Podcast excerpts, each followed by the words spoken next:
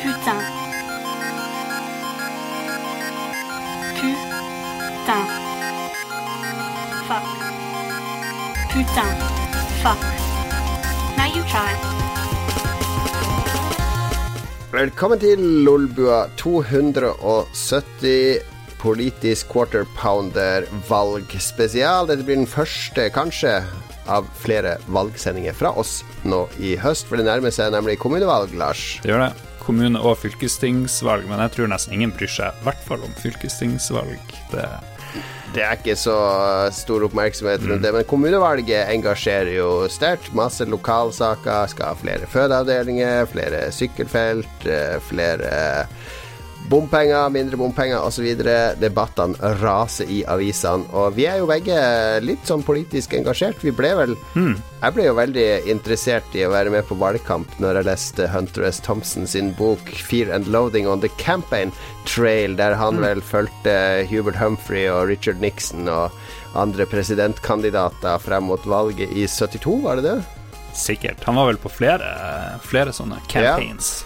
For han ble jo det han kaller sjøl for en political junkie. Altså den der uh, rusen av å være i rommet når resultater kommer inn, og se om strategier virker, og eh, Det ble liksom en sånn avhengighetsgreie. Det ble en skikkelig rus.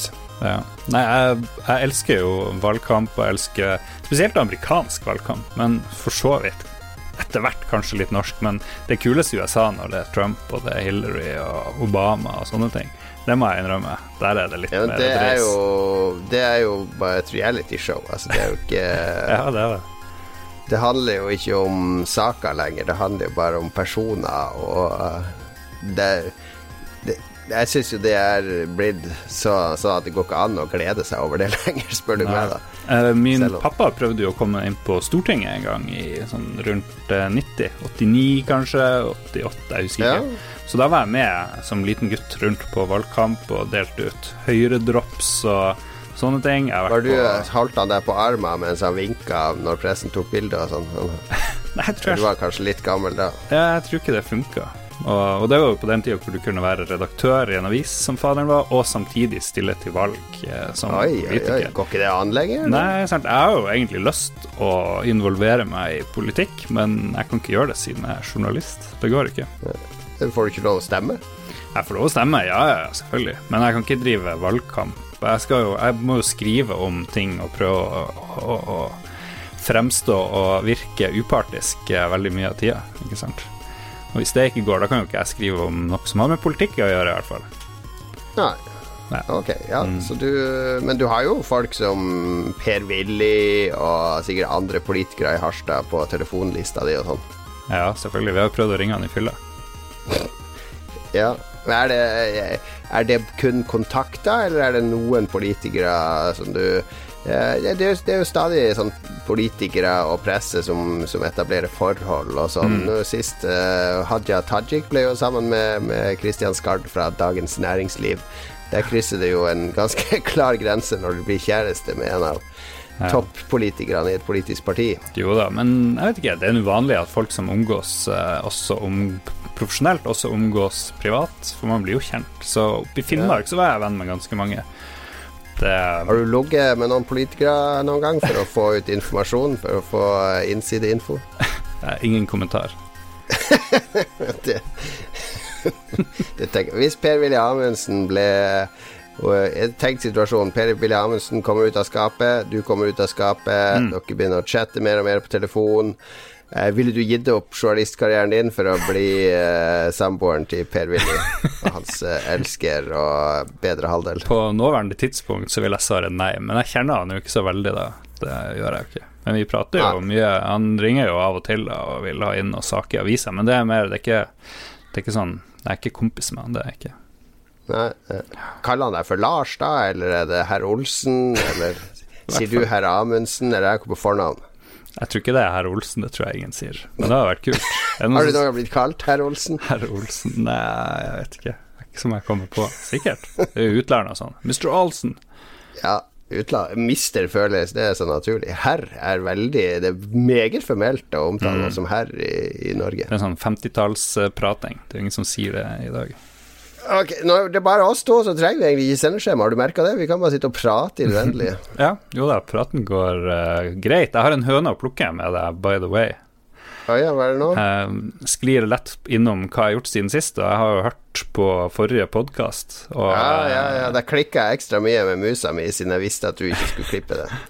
Ja, det, det skal jeg la være, men det var jo, var jo veldig jeg, jeg tror ikke jeg er nevnt like mange ganger i en podkast som jeg er med, jeg er med i, som jeg ble i forrige podkast. Det var liksom savner- Lars dit og så- Lars datt hele tida.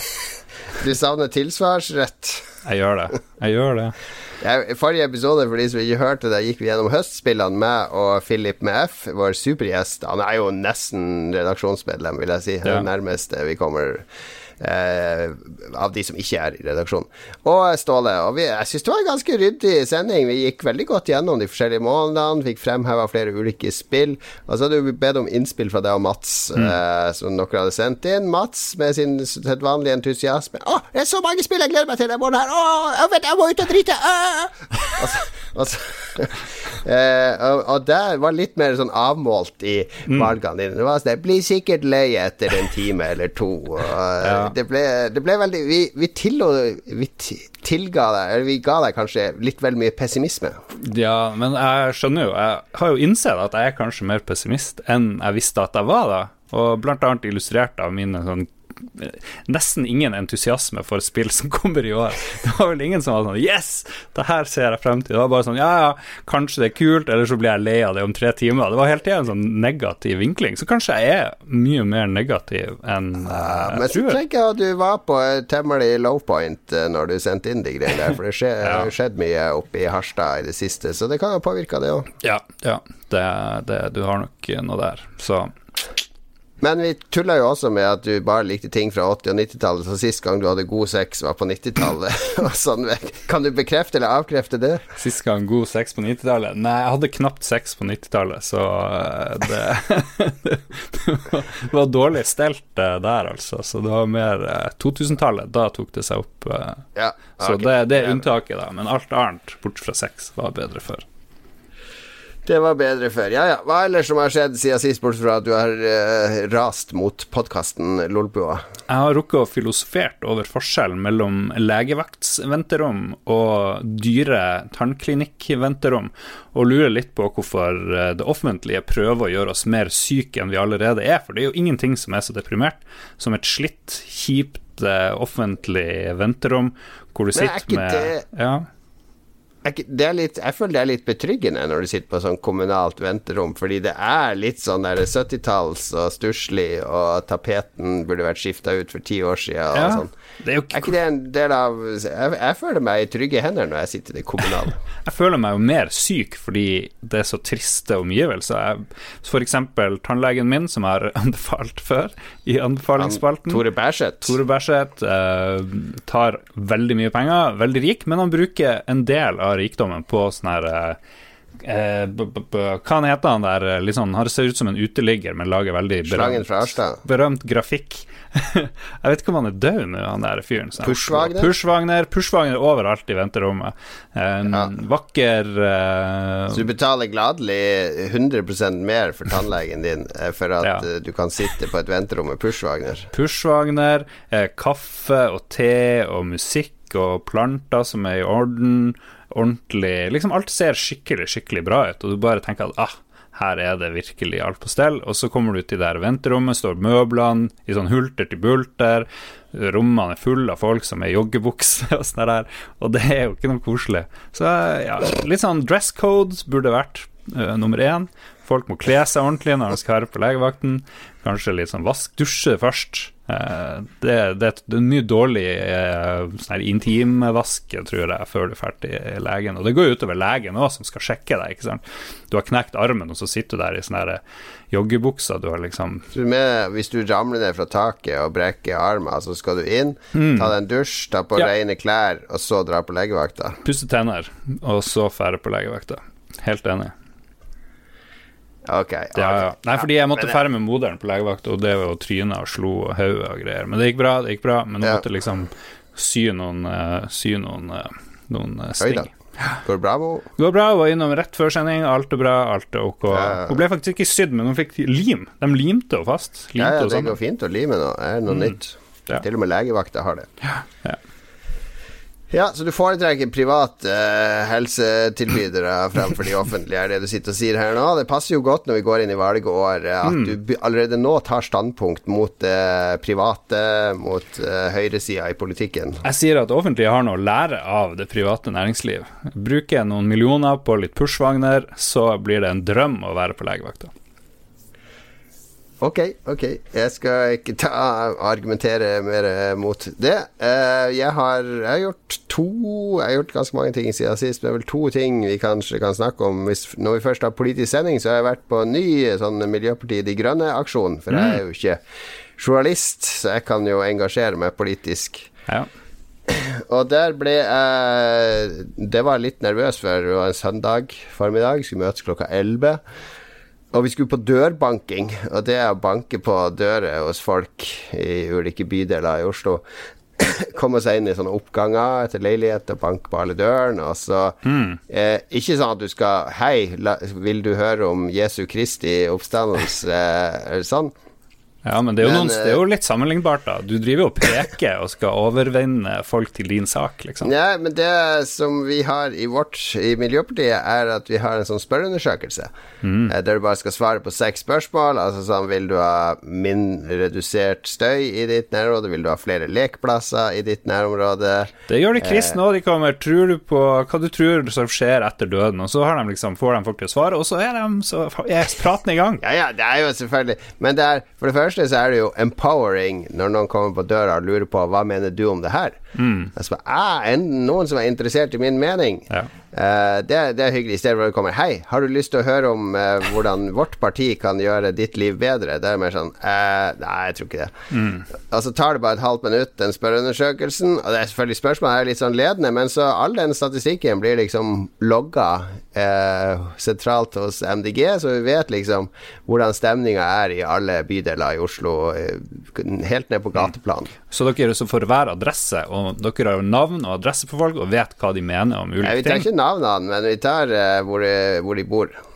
Det er jo, Hvis du har adresse, så har du jo navnene deres. Nei, gata de bor i. Ok, Det begynner å bli sånn GDPR uh... Ja, politiet kan opplyse om gata når de rykker ut, så da kan det vel uh, vi òg uh, loggføre det. Ja, nei, bare Ja. All, i Men, eh, MDG vet hvem alle er i hele Norge snart, og hva de mener.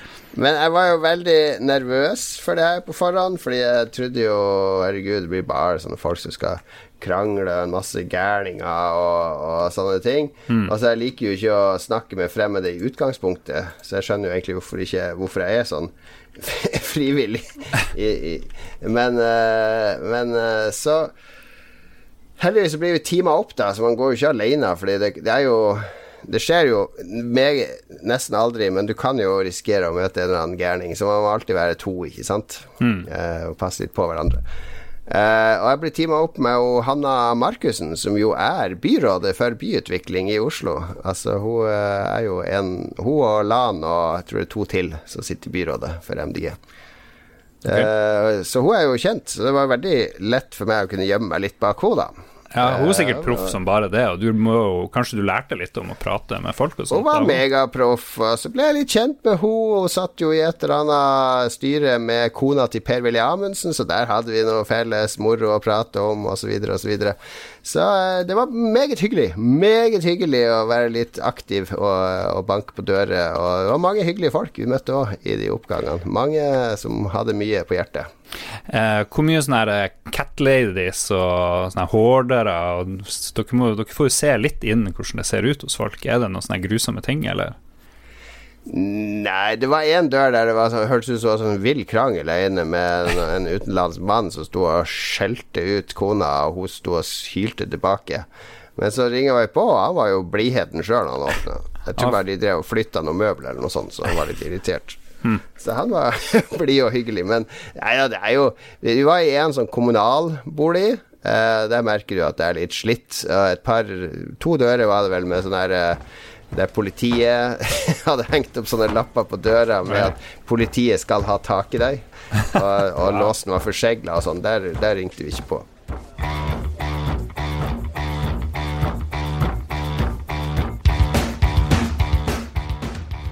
Ok, du har vært på øya. Det var, øya var gøy i år. Var, uh, hva var det jeg så som var kulest? Idols var den kuleste konserten. Sånn britisk uh, antifascistisk punk fra mm. Brighton, er de vel. Meget, meget solid. Han ene spilte gitar i trusa. Det likte jeg veldig godt. De var hele tida ute blant uh, folk og spilte gitar og bass for å klatre ut publikum hele tida der de skulle spille. Og uh, veldig kule tekster. Kule budskap. Er det han der Flea i Red Hot Chili Peppers? Spiller ikke han i trusa òg? Det tror jeg. Ja, de brukte å spille med sånn sokk over penis. Ah, ja. Det her var mer sånn trashy. Bare tok av seg T-skjorta, så sto han bare der i trusa og spilte. Hva tror du om live podkast i trusa? Det har vi hatt før, har vi ikke? Vi har, vi har jo på oss trusa. Ja. Vi kan, eh, kan, godt vi kan gjøre det. Vi kan, vi kan jo annonsere når vi først er her nå, at uh, vi skal være med på Tiltkast 2.0. Mm. Eller vi er jo faktisk arrangør. Ja, det er jo din sånn, baby, det der. Ja, strengt tatt er det jeg som er arrangør, men jeg tar det under Lolbua-paraplyen, for det er mye enklere. Uh, men vi i Lolbua er arrangør av Tiltkast uh, 2.0, som blir uh, en sånn samling av spillpodkaster på Tilt i Oslo. Denne gangen i Arkadekjelleren, og der er det plass til 300-400 stykk. Mm. Eh, og så blir det syv podkaster. Det er på en søndag, så blir det syv podkaster i stedet for fem. Uh, og det kommer til å bli Norges kuleste spillpodkast. Vi har kun annonsert Lolbua ennå, men vi driver og signer kontraktsforhandlinger med resten nå, så jeg tror i løpet av denne uka der denne podkasten er ute, så vil du få alle navnene på alle som kommer. Jeg kan røpe at Tusvik og Tønne har sagt ja. Um, Tusvik og Tønne har sagt ja. Uh, krisemøtet gjenoppstår der. Kristoffer mm. Schou er tilbake. Og så er det jo uh, Mannegruppa Ottar sin podkast kommer. Og Tybring-Gjedde sin podkast tror jeg kommer. Tybring-Gjedde og Per-Willy Amundsen, de skulle laga en podkast. Gjedde ja. Amundsen. Mm. Kanskje vi får det til. Kanskje de kommer ja, og, og uh, Alliansen-podkasten kommer, og nei da. Vi, det kommer mange kule spillpodkaster, så hold av 6. oktober, søndag 6. oktober, hold av den datoen.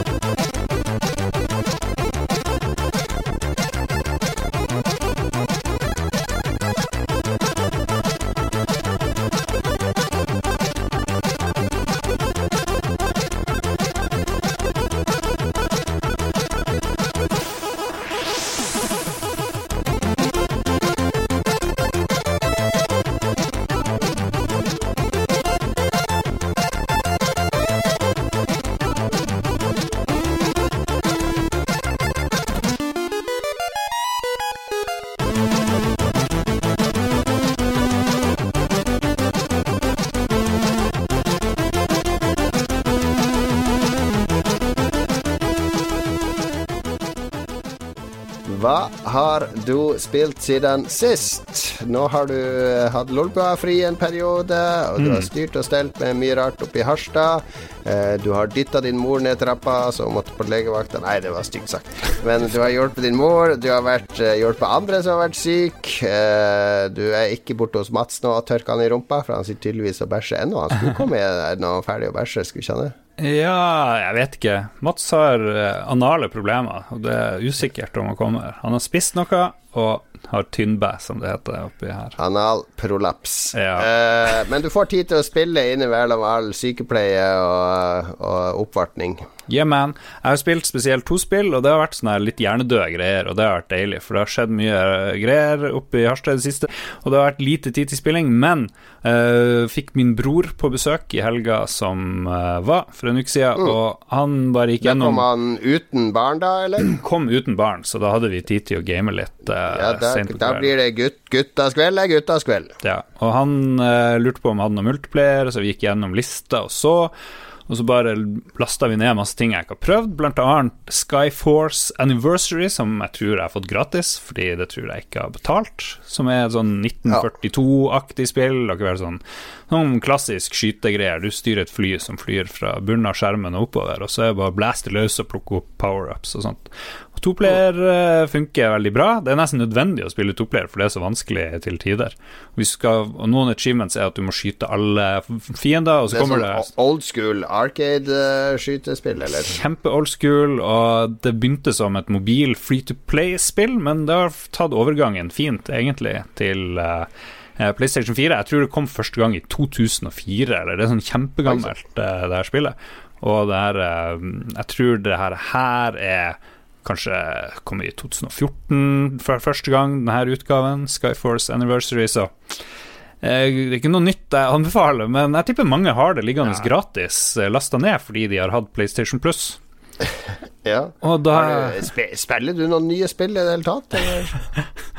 ja, jeg har anbefalt nye ting tidligere, men nå har jeg bare spilt gammel drit. Okay. Uh, så jeg vil anbefale Skyforce Anniversary. Uh, det er en sånn turnering hver helg du kan være med. Jeg er den eneste på leaderboard. Jeg tror ingen andre enn meg i hele verden spiller Skyforce Anniversary. Så, så, eh, men det er fint og morsomt og gøy å power opp. Og du plukker opp stjerner, ikke sant. Så kan du fære i hangaren din mellom missions og uh, utvikle laseren og sånne ting. Hva slags stil er det? Er det liksom futuristisk? Er det old school? Er det anime, manga? Eller er det vestlig? Er det tegnefilmaktig? Eller Det er akkurat sånn du tror et sånn her 1942 moderne remake-aktig av det er. Det kommer tanks mot det. Chipmusikk eller orchestral musikk? Blanding. Uh, ja, musikken er litt sånn helt ok, men jeg husker ikke helt hvordan den er. Men grafikken og, og stilen er Uh, andre verdenskrig-fly kombinert med litt sånn moderne laserting. Det er sånn steampunk-aktig, nesten, da. Mer right. moderne. Uh, andre verdenskrig-punk, kan du si. Uh, så det funker. Og så har jeg spilt Andre verdenskrig-punk tror ikke er en sjanger, Lars. Men det, det er det nå. Jeg vet ikke om det er en sjanger som burde ha livets rett. jo, men det, det har det. så har jeg spilt Horizon Chase Turbo. Broderen spilte det mest. Han Barry Leach, som lagde musikken til Out... Nei Eh, Lotus Turbo Challenge har lagd ja. musikken til Horizon Chase. Og det er nøyaktig det samme som Ja, det er det, uh, sånn der neongrafikk, uh, mm. retrofuturistisk racer, er det ikke det? Det er det. det er det. Minner veldig om Lotus Turbo Challenge, Challenge eller Outrun, for å si det sånn. Eh, veldig, veldig fort. Det går kjempe, kjempefort. Det er veldig enkelt, og, eh, men litt sånn avhengighetsskapende. Enkel, gøy, ja. enkel moro når du ikke har tid til noe sånt. Du er i eh, perioden du er i livet nå, der vil du ha litt enkel moro. Akkurat. Jeg er helt enig. Mm. Jeg vegrer meg òg. Altså jeg spiller jo Elite Dangerous og sånne ting, men jeg vegrer meg veldig for sånne tids Altså sånne spill der jeg vet der må jeg synke 60 timer inn i for å få utbytte av det. Sånn singleplayer, story-based RPG-greier er Frister ikke akkurat nå, av en eller annen grunn. Nei. Nei. Nei, men uh, jeg tror det er sunt når du er litt lei av sånne store ting, så spiller du litt sånn enkle, kjappe, kjappe greier. Så skjønner du hvorfor du liker dataspill. Jeg skal snakke om uh, faktisk ikke dataspill denne gangen. Jeg har spilt uh, PC-en har nemlig samla støv etter jeg fikk tak i et uh, brettspill. Uh, et slags brettspill som kalles Seventh Continent, altså det syvende kontinentet. Mm. For det var noe som kom på kickstarter i 2015-2016, og som er Jeg tror det er noen franskmenn som har laga det. Mm -hmm. Som er en diger boks full av eh, kort, et slags kartotek. Alle kortene er nummerert og sortert i rekkefølge bak sånne ulike skillevegger. Og så er det, hvis du husker de Choose Your Own Adventure-bøkene til Steve Jackson, altså uh, Troll ja. Jeg husker, Det var et par der som var veldig kule. Jeg har nesten liksom, mint originale norske utgave av de der. Choose ja, ja, ja de, de kom, flere av de kom på norsk. De er veldig kule. Uh, og det var sånn her uh, Hvis du vil slåss, så gå til oppføring 282. Vil du bruke magi, og parentes, da må du ha den og den potion, gå til 365.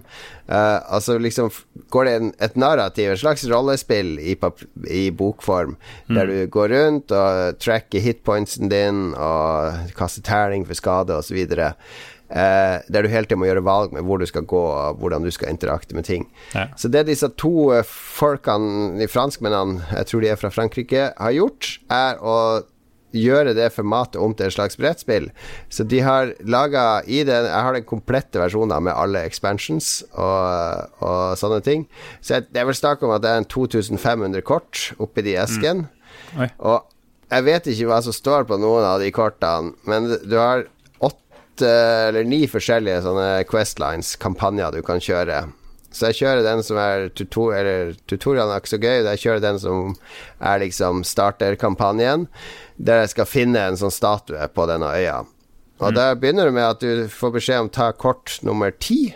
Eh, altså, eh, en sånn storyline i den cursen. Altså begynner med å legge ut kort nummer ti. Og det er sånn kartkort. Når du snur det, ser du ja. ok, det er et kart på andre sida, så du legger det ut. Plasserer figuren oppå, og så er det sånn piler ut tre retninger. Og Der legger du sånne tåkekort som er sånn her Ok, jeg må explore de, jeg må snu de tåkekortene ah. for å avsløre hvilket land som ligger der. Sånn som i Civilization og sånne ting? Det liksom Ja, og de tåkekortene er random. De er, de er liksom sortert i ulike vanskelighetsgrader og ting, så det kan dukke opp et monster som jeg må slå for å komme dit, eller det kan være et hinder, eller det kan være en skatt, eller noe jeg oppdager på veien.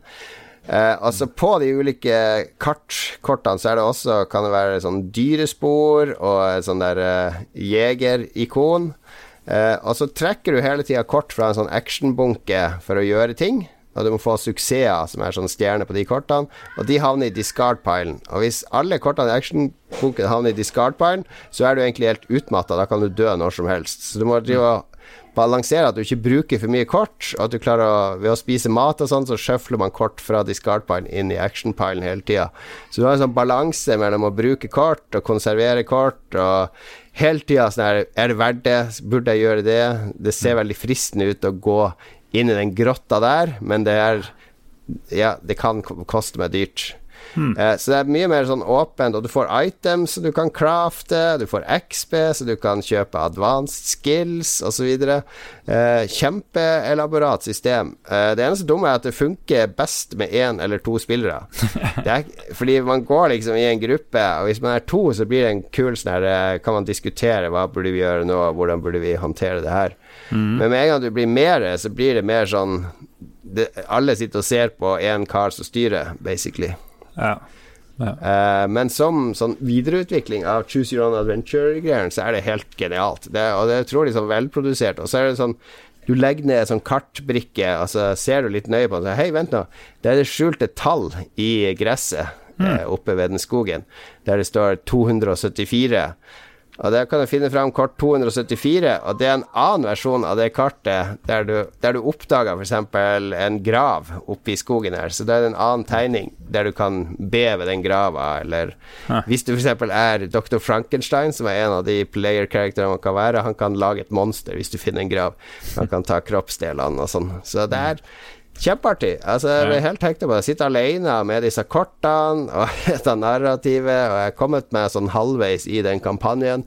Begynner å slite nå, for jeg hadde en veldig mislykka jakt der der det dukka opp noen sånne gigantiske blomster som spåna av og til, som gjør at jeg feila jakten, og jeg ble, fikk en del trasige conditions osv. Så, videre. så jeg vet ikke om jeg klarer det, men jeg skal prøve å komme meg gjennom. Hvis ikke mm. må jeg jo restarte. Men er det sånn at alle, hvis man er to, så har man to karakterer som får gjøre ting, eller er det bare man er en dude, liksom, uansett Ja, det er man to, så man kan splitte seg, men det er ikke så lurt. Det er bedre å stå samla, for da kan man hjelpe hverandre. Da kan man mm. jakte mm. sammen og bruke hverandre sine items, eller uh, ja, bruke ja. alle kortene man har på hånda. Jeg ser bilder av spillet, og det er jo litt sånn eh, hva det heter, Carcassonne, hvor du legger ned sånne tiles etter hvert og får brettet til å bli større, men her virker det som om at hver brikke har kun én brikke som er ved siden av.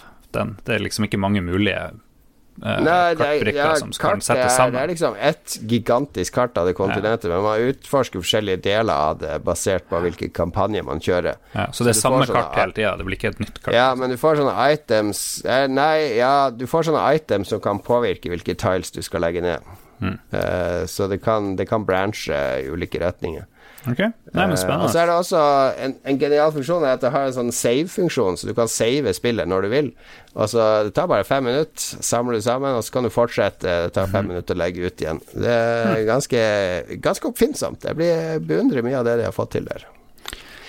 Men det er, det er, ikke mulig å få tak i det. Så jeg fikk tak i det brukt fra en fyr fra Drammen som skulle kjøpe seg en ny grill. Eh, så jeg fikk en ganske god pris på hele pakka, så jeg er superfornøyd.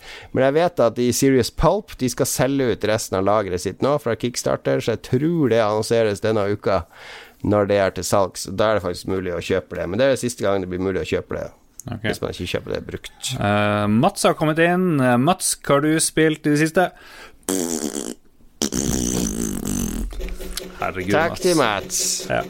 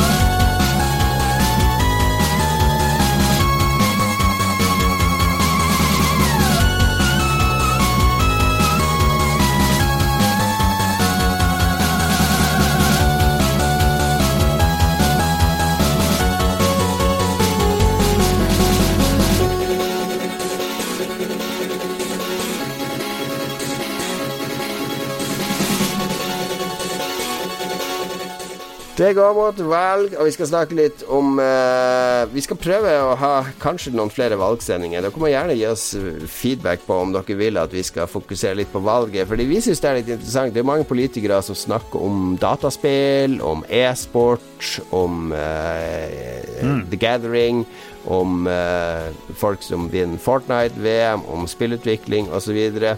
Syns dere som lyttere at vi skal ta litt tak i disse politikerne? Vi kan få tak i et par av de, eh, og Ja. få intervjua de litt om dataspill og spillvanene sine, eller syns dere at valget bare er Altså ha- Bør havne ned i toalettet sammen med Mats sine kabler. Ja, Derfor vil vi gjerne høre det. Jeg er nysgjerrig, jeg òg, faktisk. Så kanskje blir det mer politikk. Men nå skal vi i hvert fall ta den enkle inngangen, som er den spillinngangen, nemlig snakk om eh, politikk og spill. Eh, for dette har jo vært en debatt eh, spesielt siden Gamergate. Eh, det kom det masse folk med 'Keep your politics out of our games'. 'We don't want politics in our games. It's just entertainment'. Og det, ja, det har jo Vi er vel ikke helt enige i det, den uttalelsen. Nei, jeg tenker det er litt misforstått. Det er jo politikk i spill, selv om spillutviklerne ikke kanskje tenker over det, f.eks. for eksempel.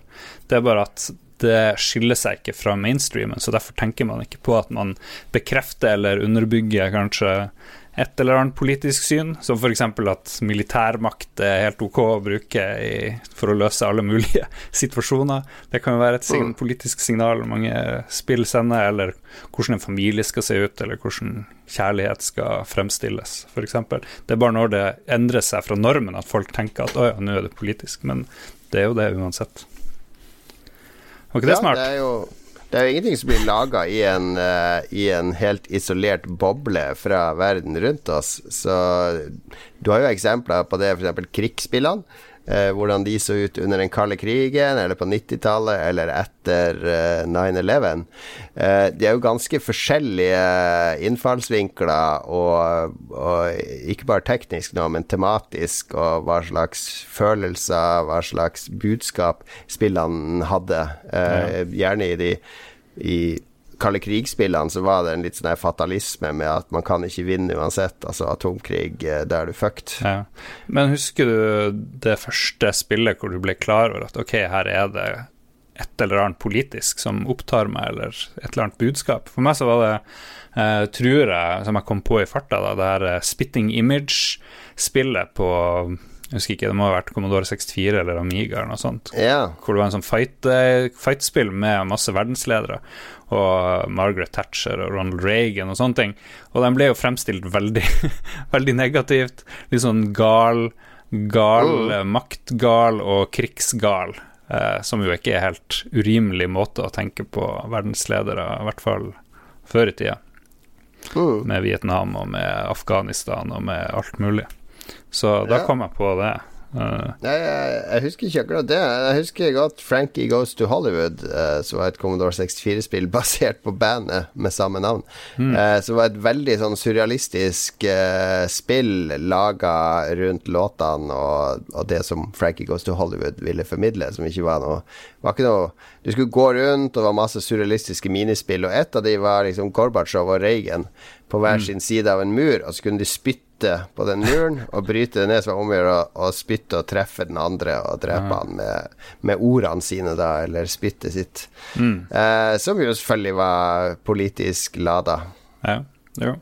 Uh, før da vi bestemte oss for å snakke om politikk i spill, og bare høre hva lytterne syns, så prøvde jeg å tenke på hvordan kommer det Går det an å liksom kategorisere hvordan politikk funker i spillet? og Det er jo altfor stort til å gjøre på en halvtime, men jeg tenker at man kan i hvert fall skille mellom spill hvor meninga fra spillskaperen er politisk, at de legger inn noen tydelige politiske budskap, og det er jo blitt flere og flere sånne spill. Det du jobber med i dag, Mosaikk, er jo en slags sånn eh, Det er et eh, spill, et antikapitalistisk spill, kan du si. Ja, du, det her er mosaikk hvor du formidler en sånn her lønnsslave sin grå verden og Ja, kanskje drømme om det er helt klart politisk budskap, og Ja. det er jo noe vi Altså, vi Jeg er jo av den oppfatning at eh, de gode kulturopplevelsene, enten det er film, spill eller bøker, er jo de du, som går inn i deg, og som du tar med deg inn i livet ditt, og som får deg til å kanskje tenke og reflektere litt over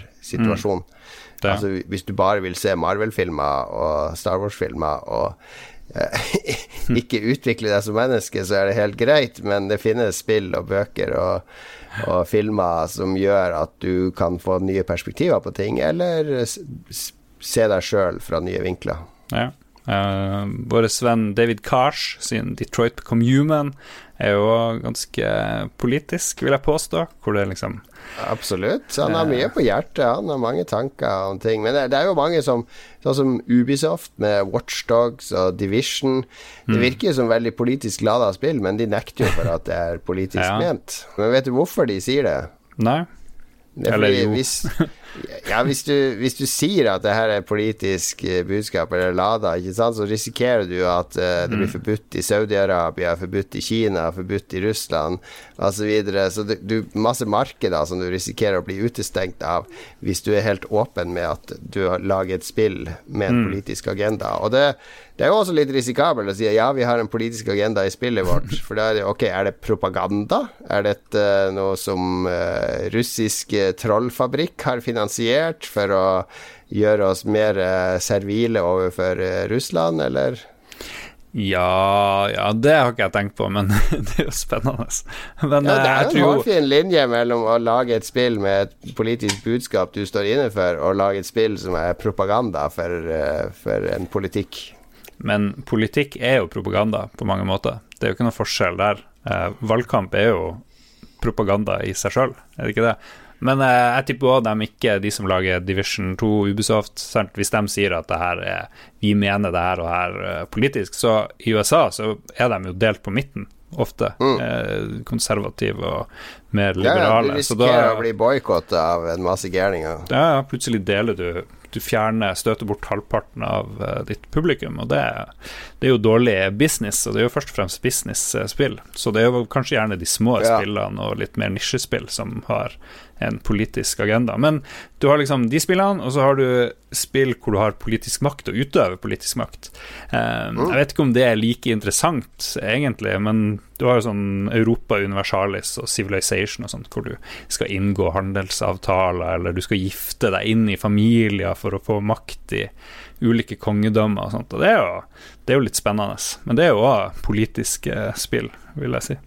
Ja, det er spill med der er, politikk er tematikken i spillet, altså ikke at det er et eller annet budskap i bunn. Du kan jo i Civilization og disse spillene så kan du jo oppnå målene dine med ulike Du kan bli en despot, eller du kan bli en demokratisk eh, eh, good guy, liksom. Ja. Og så har du spill som egentlig ikke er så politisk, det handler om skyting og slåssing, men så er det kanskje små stikk innimellom, sånn som i Mass Effect-spillene, hvor du kunne være kjæreste med både menn og kvinner. Det var jo en sånn liten sensasjon, egentlig. Menn og kvinner og romvesener. ja, nettopp. Og så har du kanskje den fjerde typen spill som ikke har noe politisk eh, bevissthet i det hele tatt, men som jeg nevnte tidligere, at eh, de forfekter likevel et, et, slags politisk budskap med hva de fremstiller som normalt, og tror er normalt. Ja, jeg lurer litt på det der med fordi man kan bli sammen med romvesener. Altså, hvor går når kan man bli sammen med noe som åpenbart ikke tilhører din egen rase? Altså Vi godtar jo ikke at en mann blir kjæreste med en sau i dag, men hvis den sauen ble intelligent og kunne kommunisere og snakke og hadde fri vilje, mm. ville vi da sagt ja, ekteskap mellom, mellom uh, mennesker og sauer er helt greit, fordi nå begge kan, kan akseptere Ville det vært ak aksept da? Ja, det vil jeg tro. Hvorfor ikke? Ja. Um, ja. den forskeren som gjør dyrene intelligente, den åpner da for Da blir zoofili Eller blir det zoofili, da? Mm. Ja. Hvorfor må vi alltid åpne disse samtalekrukken? ja, vi skulle hatt Ståle her, så kunne vi snakka i en halvtime om sex med dyr. Det hadde jo blitt det neste. Ja, men det, jeg tenkte på det når jeg spiller Mass Effect. Altså, det er mye rare raser der som ser ut som dyr, og det er helt greit å bli kjærester med noen som har tentakler i bakhodet, og i Star Trek òg er jo det greit. Så mm. det må jo være ganske tolerante forhold. Men er det lov å ha sant? Det er ikke lov å ha sex med hund og katt og sånne ting, men hva med eh, sånne brennmaneter og sånne ting? Er det Hvis du vil, kan ikke du prøve å ha sex med en brennmanet, Lars? Så, så rapporter det neste uke åssen det gikk. Ja, men jeg lurer på om du blir arrestert om det om ja, nei, jeg vet ikke. Jeg tror du, tror du eller, Var det din mor som kom inn der for å hørte at du skulle ha sex med en brennmanet? nei, det var Kian, vår uh, spillegen. Spillegen er i huset. Ja ha, ha, han parat, og så går du ut, og så prøver du først A. Ha sex med en brennmanet. B. Ha sex med bie. Bare stikk den inn i bikuben og se hva som skjer.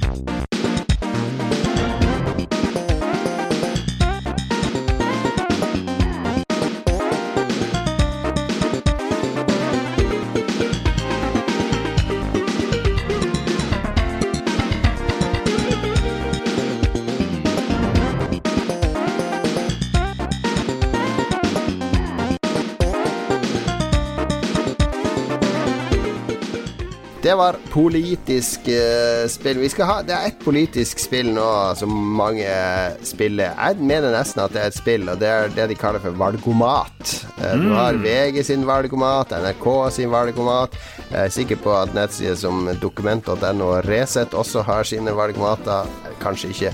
Men valgomaten er liksom uh, vi folk mennesker i Norge vi har blitt så dumme at vi klarer ikke å lese aviser og se på nyhetene og skjønne eh, og se på våre egne liv og reflektere over Ja, jeg tror jeg skal stemme på det partiet, for det står for de verdiene eh, som er viktige for meg. Så vi må spille et sånt dataspill på nettet der du kan klikke på sånne smilefjes for hvor enig og uenig du er i ulike påstander. Så får du opp sånne søyler som viser Ok, her er du mest du er enig med de partiene, og så lager det, summerer dette sammen med deg og sier Alt sammen summeres, og sier du er så og så mye enig, mest enig med dette partiet. Ja. Det er jo bra, da. Det er nesten et spill, er, er det ikke det? Ja, det, ja, nei, jeg vet ikke om det er et spill. Ja, ja. Jeg føler litt når jeg tar den, så er det sånn Ok, jeg velger det, og så sier Oi, det partiet der som jeg trodde jeg var enig med, det, da skulle jeg valgt det for å få Ok, mm. kanskje jeg skal ta Det er ikke så mye dataspill. Kanskje jeg skulle gå tilbake og ta det dialogvalget på nytt, så at jeg får høyere score. Må, er det ikke 100 du går for, eller er det mm, Ja, hvis du, ditt mål er å bli mest mulig enig med ditt parti, så må du jo pugge og lære det, sånn at du kan ta testen flere ganger, liksom. Men ja. eh, Problemet med mange som har stemt, er jo at de ikke vet hva partiene de stemmer på, står for. Kanskje stemmer de det samme som familien har stemt, eller du har ikke fått med deg at eh, partiet har bytta mening, eller kanskje du ikke vet at partiet mener direkte motsatt av det. Sånn som masse folk i Finnmark eh, som eh, stemte Frp, selv om Frp ville bare helst at Nord-Norge skulle fraflyttes en periode. De hadde ikke lyst til å mm. støtte noe som helst der. Så da stemte man jo mot sine egne interesser. Og da er det veldig fint å ha en valgomat som kan liksom illustrere veldig godt ja, kan, kan valgomaten være 100% nøytral? nei, nei, det er sikkert store svakheter med valgomaten. Ja.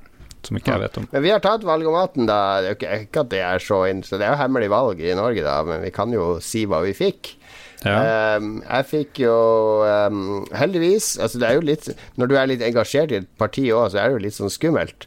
Hvis jeg får høyere på et annet parti enn det jeg er aktiv i, så må jeg jo Det kan bli en full livskrise. Men jeg fikk jo heldigvis 87% enig med MDG. Og nå må jeg jo si at NRK sin, der velger du også kommune, da. Så det er jo spesialtilpassa vektinger basert på kommunen du er i. Ja. 87% MDG, 82% SV. Det hadde jeg ikke egentlig trodd. Nei, og 71 ja. Arbeiderpartiet. Det syns jeg var litt rart. Jeg har vært litt på venstre før når jeg har tatt sånne, men uh, det Mm. er helt greit. Jeg kan være i det selskapet. Ja. Uh, jeg knuser jo deg i å være MDG-velger. Det er jo Ja. litt interessant. Ja, 94 du, flyr, du flyr bare ti ganger mer enn meg, men du, du kompenserer ved å bare Alle hjertesakene dine er MDG. Yes. Nei, jeg vet ikke hvorfor jeg fikk 94% MDG, men eh, jeg har bare blitt mer og mer miljøbevisst i det siste. Jeg det er litt hyt- hyklersk, eh, mye jeg burde gjort uh, sjøl. Men når jeg krysser av på det her uh, valgomat, så er det jo veldig lett å være idealist og liksom ikke Ja, ja, ja, ja. Så, Men jeg ble òg overraska over at jeg fikk 80% SV.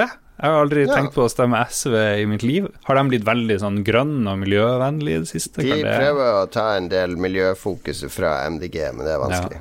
Så tradisjonelt er det jo Venstre jeg har stemt på, men de fikk jeg nå 69% enighet. Og så var det resten var sånn nesten det samme. Det var 68 Arbeiderpartiet og 67 Venstre har vel tapt seg litt uh, med regjerings... Uh... Ja, Trine Skei og det er...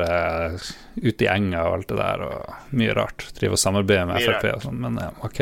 Alright, det var vår valgomat. Vi anbefaler våre lesere, lyttere, også å ta valgomaten eh, hvis du er i tvil om hva du skal stemme. Men det viktige er at du bruker stemmeretten din, er det ikke det, Lars? Ja, de sier det, men hvorfor det, liksom? Nei, ingen, Hva skulle du gjort hvis ingen stemte? 0 oppslutning? Hva hadde skjedd da? Ja, Da kollapser jo demokratiet. Det er jo greit. Ja, da er det Ja. kongen som bestemmer. Det, nei, ok, stem, da. Det viktigste er at du stemmer, og at du stemmer okay. Stem på oss. Stem på Lolbua. Vi skal føre opp navnet mitt på Oslo-lista hvis du stemmer MDG. Uh, gjør det. Stem på Jon Cato. Ok, vi skal anbefale Vi har allerede anbefalt folk å stemme, men nå skal vi skal ikke bare være politikk denne gangen. Vi burde jo egentlig tatt to sånne politiske filmer eller noe sånt, men vi har tatt helt andre ting i anbefalingsspalten. Vår uhemma eh, omfavning av noe spennende, herlig og deilig som du kan fylle eh, livet ditt med. Yes. Skal jeg begynne? Ja, du får ta Du har, uh, du har nettopp gått og skrytt så jævlig MDG-er du er, og så skal du anbefale noe kjøtt å spise, ja. Og ikke bare hvordan som helst kjøtt. Nei. uh, er du glad i hval? Er du glad i hval, Kato? Jon Cato? Jeg er veldig glad i hvalkjøtt, for jeg mener det er veldig undervurdert. Eh, Jeg har, jeg har laga finnebiff av hvalkjøtt og andre ting med hvalkjøtt. Veldig mange som liker miljøet, de liker å hvaler, men kanskje levende hvaler. Jeg liker døde hvaler, det må jeg innrømme. Det er kjempegodt. Eh, Mørt hvalkjøtt har en sinnssyk smak, sinnssyk tekstur. Veldig, veldig mørt og saftig, og en sånn smak som ikke ligner noe annet Men er, kjøtt. det, noen mener at det er, ja, det er litt for salt. Det er sånn saltvannssmak. Ja, Før i tida så kunne det jo være litt harskt, og det kunne lukte tran og smake tran og sånt, men det, det er det ikke i det siste. Så jeg kjøpte to er pakker. To pakker hvalkjøtt her om dagen, 370 gram i hver. Eh, Den ene var faktisk dårlig, så den torde jeg ikke å ete, for den lukta sånn tåfis eh, lenge etter jeg åpna den. Ja, det var noe weird. Det kan hende at det fettet har harskna og sånt, men da skulle det jo lukte tran, og det gjorde det ikke. Det lukta tåfis. Så fuck det, tenkte jeg. Bare heiv, eh, heiv greia. Men uh, den første pakken En. MDG-aksjon, kastemat. Jeg kasta det i uh, Jeg begynte å sortere matsøppel. Så du kasta det i riktig dunk, i det minste. Ja, jeg har vært veldig dårlig på å sortere, men ok. Men hvalkjøtt går kjempefort å steike. Um, jeg vet ikke om det finnes over hele landet. Ser du det i Oslo ofte? Ja, ja, man får tak i det meste her. Ja. Men Nei, jeg ja. tror det fins overalt. Det var masse, masse masse på Coop Ops her i Harstad nå. Jeg lurer på når de begynner med oppdrettshval. Altså sånne gigantiske anlegg der det skal ligge blåhvaler nedi der. Ja, det Sånn som laksen. Uff da. Eh, jeg, jeg liker best hvalkjøttet som biff. Så Ja. det, men du kan gjøre sånn som du gjør, uh, finne biff og whatever. Ja, Liksom. biff, biff, det òg. Finne biff. Hvalkjøtt-taco, kanskje det er en ting? Ja, ja. Kanskje. Jeg har spist uh, sushi-hvalbiff. Um, da jeg studerte i Japan Sushi-hvalbiff, hva er det for noe? Ja, eller sushihval. Det var rå hval, ikke sant. Um, Ja, ja, ja. Og, og når jeg googla hvalkjøtt, så var det mange som foretrekker den rå, uh, faktisk. Så. Men du må fryse den først for å liksom bli kvitt Ja. de små mikroorganismene. Absolutt. Nei, men hvalkjøtt er godt. Altså, ta sjansen på det en gang. Overrask eh, din kjære eller andre i husholdninga med hvalkjøtt en dag. Og det er mange oppskrifter på hvalkjøtt på nett. Mm, ja. Kjør på. MDG går god for eh, hvalkjøtt. Åpenbart. Jeg skal anbefale Nå har jeg sett TV-serie igjen. Okay. Det er ikke så ofte, men jeg har faktisk sett en hel sesong av en TV-serie som går på Amazon Prime.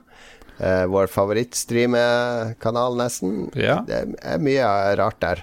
Veldig mye. Eh, men det er ny en eh, fra en av eh, mine En forfatter jeg liker veldig godt, som heter Joe Hill. Eh, han er sønnen til Stephen King. Så han har skrevet Jeg har lest to bøker av han The Fireman, som er veldig bra. Den tror jeg jeg anbefalt før. Og en bok som heter NOS 4A2, altså Nosferatu, kan du si at det blir. Som er nummerskiltet på en Rolls-Royce eh, Phantom fra Wraith fra 1938. Eh, og inni den bilen så sitter en fyr som heter Charlie Manx, som driver og tar med seg barn til Christmas Land. uh, det er en overnaturlig eh, thrillerserie om denne en, en slags vampyren, Charlie Manx, og en ung jente på 18 år. Uh, som også har en overnaturlig kraft. Hun kan kjøre gjennom en bro som ikke eksisterer med motorsykkelen sin, og finne ting. Eh, hun- Kjøre gjennom en bro som ikke eksisterer. ja, hun kjører ned til en sånn innsjø, og der dukker det opp en bro. Eh, og hvis hun tenker på f.eks. jeg må finne eh, Hvor er Lars? Jeg må finne Lars. Så ville hun kjørt ut, ville den broa kommet ut oppe i Heggenveien eller ned ved Ah. Heggen videregående, og så hadde hun funnet det. Så hun kan lokalisere ting med den broa si. Og så er det andre Det, det han Hill har laga, er liksom et sånn der Hva heter det? Ikke multiverse, men et sånn der univers Det minner litt om tegneserier sånn som vi leste på 90-tallet, der du har sånn Det er liksom en sånn alternativ underdimensjon av verden vår, der det er sånne uovernaturlige skapninger. Så, og det krysser mellom fantasi eller drøm og virkelighet. Men det, serien er veldig forankret forankra i virkeligheten med disse overnaturlige, litt sånn Stephen King-aktige elementene, med at hun skal prøve å stoppe han der Charlie Manx. Eh, som også har en hjelper. Og det, det er veldig bra dramaturgisk, syns jeg. For de har tatt boka, og så har de vridd og gjort endringer på den, så den passer bedre som TV-serie. Og det er nesten mest imponert over, er både skuespillet til hun hovedpersonen, hun Kim, og faren og mora hennes. For de er liksom white trash-folk fra en liten by i nordøst-USA. Og faren er alkoholiker, og mora er sånn vaskehjelp. Og de portretteres og spilles så, altså så bra og nært og troverdig. Eh, vanligvis når det er sånn horror og sånn, så blir det mye sånn stereotyper. Men jeg føler med alle disse folkene og den situasjonen de er i, og hvorfor de gjør som de gjør. Så jeg tror på karakterene, jeg tror på hendelsesforløpet. Et par episoder som har genialt manus, altså det snurrer sammen veldig bra. Og jeg liker hele den der uh, uh, Det er en sånn lekenhet i det overnaturlige her, med at ok, jeg bare velger å tro på det her, for det er ganske teit når jeg forklarer det med sånn Christmas Land og Inscapes og, og sånne Ja. ting som vi voksne mennesker kanskje ikke burde tro på, men det er en sånn tegneserieaktig realisme over det. Så NOS 4A2, ti episoder, ligger på Amazon. Vel verdt å sjekke ut. Hvis du liker litt horror og creepy stuff. Ja, hvis du liker horror og uh, creepy stuff, så må du ikke se Eller se ti minutter av Robo Vampire, som vi så her om dagen. Uh, det er to filmer klippa sammen til én. Det er jo selvfølgelig en bra oppskrift. Det handler om noen sånne hoppevampyrer nede i Asia. De kan ikke gå, de må hoppe med armene strekt ut foran seg. Ser veldig teit ut. Så en film om de har de klippet sammen med en film om en, eh, en sånn Robocop-knockoff som ser bare skikkelig ufattelig trasig ut. Men eh, starten der, starten av filmen er bare skikkelig magisk. Ti første minuttene av eh, Robo Vampire. Det må ses. På Amazon Prime, som har det største utvalget av drit. Du, Ja, de har også nyeste sesongen av Wipeout, som er dette gameshowet i Argentina der du skal uh, løpe gjennom sånn vannløype og hoppe på sånne svære baller og sånn, som jeg ser av og til med ungene. Det ble mye anbefalinger. Jeg anbefaler Ja. ikke Wipeout, da, men det var Nosferatu, og så var det Robo, Ti første minuttene av Robo Vampire. Uh, Robo Vampire, og så ser du disse to mens du spiser litt hvalkjøtt. Hvalburger. Valburger, Lars, har du prøvd det? mm, nei, gleder meg til det. Vi får avslutte med lytterspalten. Det ble en veldig fokusert episode, dette, Lars. Ja da, vi kaster ikke bort tida til folk. Her eh, rett på sak. Nei, det har vært en eh, Det er litt sånn deilig å, eh, å bare være to av og til, det er vi jo. Og sist gang så fikk vi gode skussmål fra lytterne. De syns det er litt sånn kos, så det, det er ikke Ja så dumt, det. Det er fint å være tre òg. Vi må være veldig fokusert på hverandre når vi er bare to. Det er, og så Ja. tror jeg også at når man er bare to, så det blir veldig bra en time. Men hvis man driver med en sånn totimerspodkast, så blir den siste timen blir, Da blir vi Da går man tom, rett og slett. For man må snakke så mye mer. Ja, jo, det er nettopp det. Men ja, noen ganger så er det Vi har, vi har hatt tretimerspodkast òg, eller det var kanskje eh, Ruffelbua. Skal vi reklamere litt for Patrion vår, eh, by the way? Ja, ja, det kan vi gjøre. Åssen går det med klippinga av nyeste Roffelbua fra sommerfesten til Christian? Det går veldig dårlig. Jeg har ikke vært begynt, men den er jo spilt inn. Tre og en halv time med fyllegalskap fra Jon Cato, Katarina, Christian, veldig stressa Christian, og en veldig kåt Ståle. Det gleder jeg meg til å høre. Så det kan du òg gjøre. Hvis du blir Patrion, ti dollar opp, så får du Roffelbua hver måned. Så får du brev fra Jon Cato og Ja da, det kommer nytt brev nå straks. Jupp, jupp, jupp. Det er sånn brev, stemme MDG-brev. Jeg bare copy-paster fra Nei, jeg skal ikke gjøre det. Ja, jeg kan, jeg kan um, Hvis du blir Patrion fra nå og i løpet av denne uka her, da Ikke lov at du ikke kan holde. Ja, men jeg kan love, love det, fordi jeg har fått en gave fra uh, Knut. Eh, de fleste som ja. hardcore Filosofen fra Filos- hytteturepisoden. Filosofen eh, som roper skjellsord om Hillary Clinton osv. i tide og utide. Han har sendt Lolbua en gave. En eh, veldig pen gave. Den inneholder penger, blant annet. Men alt det her Ja, faktisk. Den inneholder eh, kontanter. Eh, det går til én tilfeldig utvalgt ny Patrion som kommer til i løpet av uka. Så hvis du har lyst til å bli Patrion eh, og liksom ikke har gidda, så er det her ei uke. Du kan få en helt unik og spesiell gave fra Lolboa, donert av Knut. Ok, Så det så. det, du lover å gi bort en gave der. Noe Mm. annet enn eh, Ståle sin sextelefonpremie, som vi lagde i hui og hast. Ja. Ja. Bra.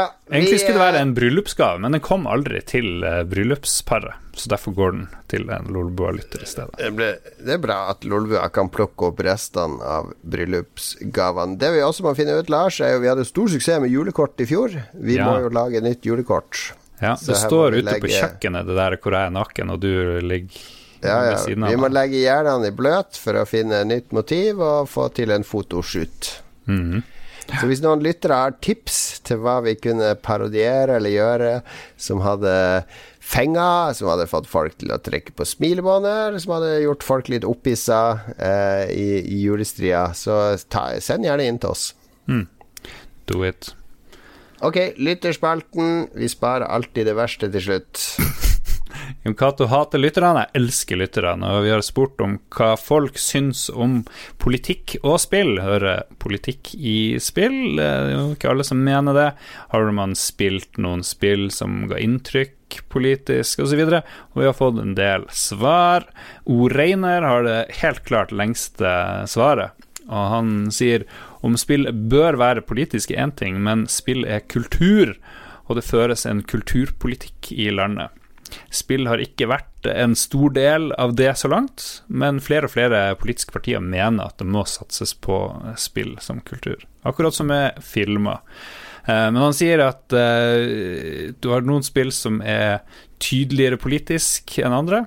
Eh, og så sier han at filmmedier kanskje er bedre til å behandle politiske tema. Og jeg vet ikke om jeg er kan, enig vi, der, kan, vi trenger ikke å lese alt han sier med en gang. Ja. Jo, det, det vil jeg jo si at jeg er veldig enig i. Fordi filmmedier kan jo behandle ting som foreldrerolle og mye mer kompliserte temaer tror jeg egner seg bedre i film enn i spill, der du alltid må spilleren skal alltid være en utøver av handling. Altså, du har alltid en spilleren som er en protagonist som skal drive ting framover. Du har God of War, er jo et spill, og det handler om farsrolle og sånne ting. Men jeg kan jo nevne 20 filmer om farsrollen som er bedre tematisk enn God of War-spillet, liksom. Jo da, men det, det er veldig få filmer som er like gøy å spille. Sant? Spillet er jo unikt, sånn sett. Ja, filmer er som regel ikke så gøy å spille. Nei, Det er. Det er jo to forskjellige ting, da. Så det er jo litt sånn Ja, eple og Men når du snakker om å ta opp tematikk, det er jo ofte eh, sånn storybaserte spill. Jeg tenker at det hadde vært bedre om du hadde laga en film, hvis du har så mye på hjertet. Og, Mm. Fordi jeg vil jo heller at du skal la meg spille og oppdage ting gjennom mine interaksjoner. Ja. Ja. Gjør, um Hans uh, Oreiner sier, og han er jo enig med deg, han sier at de fleste spill er produsert for uh, sin underholdningsverdi, og selv for sin underholdningsverdi i stedet for eh, film som ofte kan være Det er ikke alle gode filmer du nyter, liksom. Eh, Nei, nei, filmer kan være vonde på en annen måte enn spill òg, føler jeg. ja. Christopher Getterboys Hansen Leistad. My Child Lebensborn er et spill med et godt politisk budskap. Også et spill som er fantastisk å bruke i undervisning. Ja, og det er jo uh, unger kvin, Kvinner som får barn med tyske soldater, er vel de her Lebensborn-ungene, er det ikke Ja, det? handler om at du blir adoptivforelder eller fosterforelder til et av disse barna, eh, der mm, faren var tysk soldat og mora utstøtt eller eh, innlagt eller arrestert eller noe sånt, og så f- skal du oppdra dette barnet da, som da blir mobba på skolen av lærere og i lokalsamfunnet. Ja. Og det er jo For det første er det jo en historisk tematikk. Altså Det er jo basert på intervjuer med Lebensborn-barn. Eh, og, og formidler også veldig mange konkrete historier fra disse barna. Altså ekte opplevelser som de var igjennom på 50-tallet. Men det er jo også et høyaktuelt eh, spill, f.eks. når du tenker på disse IS-barna eh, som sitter i flyktningleirer, og som skal vi hente hjem disse barna. Igjen, de er uskyldige ofre i kjølvannet av en krig, så tematikken er like relevant med hvorfor skal- vi ta oss av disse barna? Bør vi ta oss av de? Hvordan skal de føle tilhørighet til samfunnet, osv. Ja. Jo. Jeg har ikke spilt der My Child Lebensborn, men de vant eh, noe sånn her eh, De vant BAFTA. BAFTA for, BAFTA, eh, for eh, mobil, eller for ny, ny type Altså sånn Games Without Borders, altså spill som utfordrer spillmedia. Eh, på chatten så får vi respons live. Uh, Mylarito han er ikke helt enig. Han mener jo at uh, spill så kan man interagere og se resultatet av sine handlinger på en unik måte. Og mener at Spec Ups The Line tok opp en kul vinkling som film kanskje ikke nødvendigvis hadde gjort like bra. Så ja, jo. Marius Lyseggen Krinnan han syns det er lite givende å spørre om spill bør være politiske de aller fleste spill. Ja, det meste av kunst er allerede grunnleggende politisk på mange varierende nivå. Uh, så, og der er, der er jeg enig. Vi er alle politiske vesen, selv om vi distanserer oss fra partipolitikk og later som at vi er apolitiske. Så det, det er jeg enig i. Alle driver og har forventning om hva som er normalt, og prøver å påvirke verden ut fra det. Og utøver dermed en slags eh, politikk hver dag, og hva du sier og snakker om. Jepp. Philip Parisia Fløgstad, kremt, kremt. Final Fantasy 7 tar for seg en masse Ah. tema som utnytting av naturressurser, politisk makt i det private næringslivet osv., og, og har en flott mulighet for å ta det opp på nytt igjen nå i remaken, da disse temaene er minst like aktuelle i dag som i 1997. Mm, en av de mener, største du syns ja, Philip er jo Norges største Final Fantasy 7-fan. ja. Så det, det gjør han jo Han snakker jo om det hver gang han er på podkasten, og han sender jo inn lytterinnlegg om det, uansett hva temaet er. Men jeg så også på Discord nå, før sending, eh, for der står det jo, hvis du har enabla det, så står det jo hva du spiller. Og der sto det for Philip. Hva spilte han? Jo, Final Fantasy 7. Han har jo en slags diagnose, eller bør jo ha det. Han har sånn Final Fantasy 7-Tourettes. Han klarer ikke å slutte å spille det, og han klarer ikke å slutte å nevne det uansett, hele tida. Men vet du hva hvilken uh, spillskaper vi glemte å nevne som er veldig politisk? Det er jo han Hideo Kojima. Eh, Hvis du ser Absolutt, eh, Metal Gear Solid, så er det jo tale etter tale om politikk og samfunn og hva karakterene mener, og sikkert hva eh, han uh, sjøl, Hideo, mener. Jeg føler mer at Kojima bare er en sånn der uh, ropert som han lar alle mulige få rope i alle mulige retninger. Uh, mm. For det, jeg, jeg, klarer ikke helt å finne hans stemme oppi alt det her, men det er jo alt som han blir fenga av, sånn av kultur og kunst og politikk. Det bare kommer ufiltrert gjennom i spillene. Ja, det tar vi med. Det lager vi. Da, vi kan spille inn ti minutter der du snakker om det her. Ja, vi eh, Hva med en Hideo Kojima-spesialsending en gang? Det hadde vært ja, morsomt. Da må vi ha med en ekspert. Eh, vi har jo Ida i Red Crew, kanskje ja. kan gjeste oss. Hun er jo meget flink i, i Metal Gear. Jeg må kjefte på en unge her nede, vent litt. ok, da er det pause mens det kjeftes. Life isn't just about passing on your genes. We can leave behind much more than just DNA.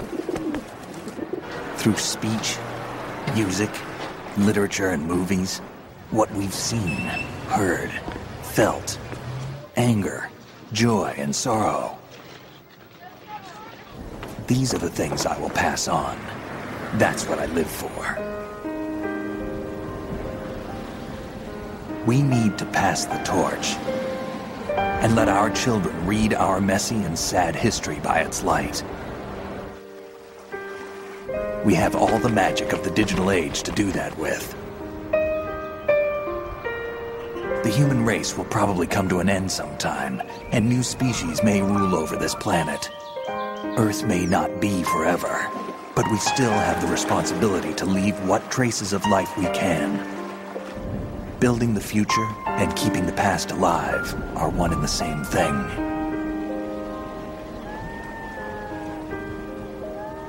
Dette var det vi hadde fra lytterne. Eh, ja. Det ble politisk quarter pounder i eh, Lolbua i dag. Neste uke blir det politisk Big Mac, før vi avslutter med en politisk Whopper cheese uten sylteagurk og tomat. Helge. Tusen takk til uh, TTMXMP, Kobrakar84 og Rolf Helge Øvergård Ingebrigtsen. Som... Og takk til Andreas Haldorsen, uh, hvis bildet av Stortinget mm. vi har brukt uh, som bakgrunn på streamen. Det var ah. fri bruk så lenge han ble kreditert. Mm, ja. Nice. Uh, dere trodde han uh, Dere kalte den ene produsenten vår for Rorufu, og det er Rolf Helge Øvergård Ingebrigtsen. Okay, så det var ikke okay. noen ny, ny, produsent. Hvis du vil bli produsent, så kan du gjøre det ved å gå på Patrion-sida vår, uh, patrion.com slash lolbua. Ja. Gjør det, gjør det. Vi vi, vi, har jobba, vi tjener penger, men eh, det gjør at vi kan gjøre mye mer ut av Lolbua. Sånn som tilkast. Hold av datoen 6.10, da blir det tilkast. Og vi lover en, det blir en meget spesiell Vi skal på Vi er nest siste på, så vi er liksom siste band ut før headlineren. Kan jo mm. lure på hvem headlineren blir. Uh, men uh, vi lover at vi skal Det blir en meget annerledes uh, Lolbua-podkast fra scenen på ja. Tilt. Det blir det. Jeg gleder meg. Jeg er litt nervøs med at vi skal være sist, for du, du bruker jo være veldig nervøs for disse livepodkastene. Ja. Du drikker ganske tidlig, Lars. Men vi hadde Ja, jeg kan begynne å drikke ganske mye. Men problemet sist da vi var på tilkast, så vi hadde jo ikke forberedt noe som helst, tror jeg da egentlig. Så da ble det bare tull. Nå har vi, vi har konseptet klart for flere måneder siden. Ja, ja, ja. Ingenting å være nervøs for når det står 400 mennesker foran scenen der, og du skal opp og sette deg foran mikrofon etter tre Fernet og fem øl. Oh, nice. I wife-beater. Det blir bra. Ja, 6. oktober på Tilt, altså. Før det er det valg og mye annet som skjer i Lolbua, så følg med. Takk for at du hører på, takk for at du lytter, takk for at du støtter oss. Ta vare på hverandre i disse mørke, rare tidene. Ha det godt. Hei da.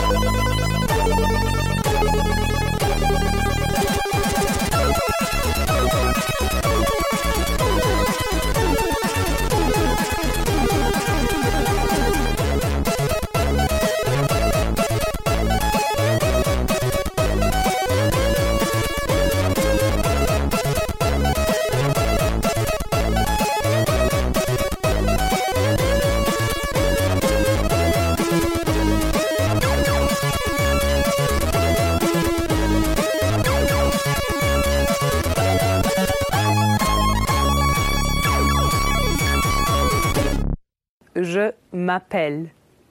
Je m'appelle. Putain. Putain. Putain. Now you try. Har du et enkeltpersonforetak eller en liten bedrift? Da er du sikkert lei av å høre meg snakke om hvor enkelt det er med kvitteringer og bilag i fiken, så vi eh, gir oss her, vi. Fordi vi liker enkelt. Fiken superenkelt regnskap.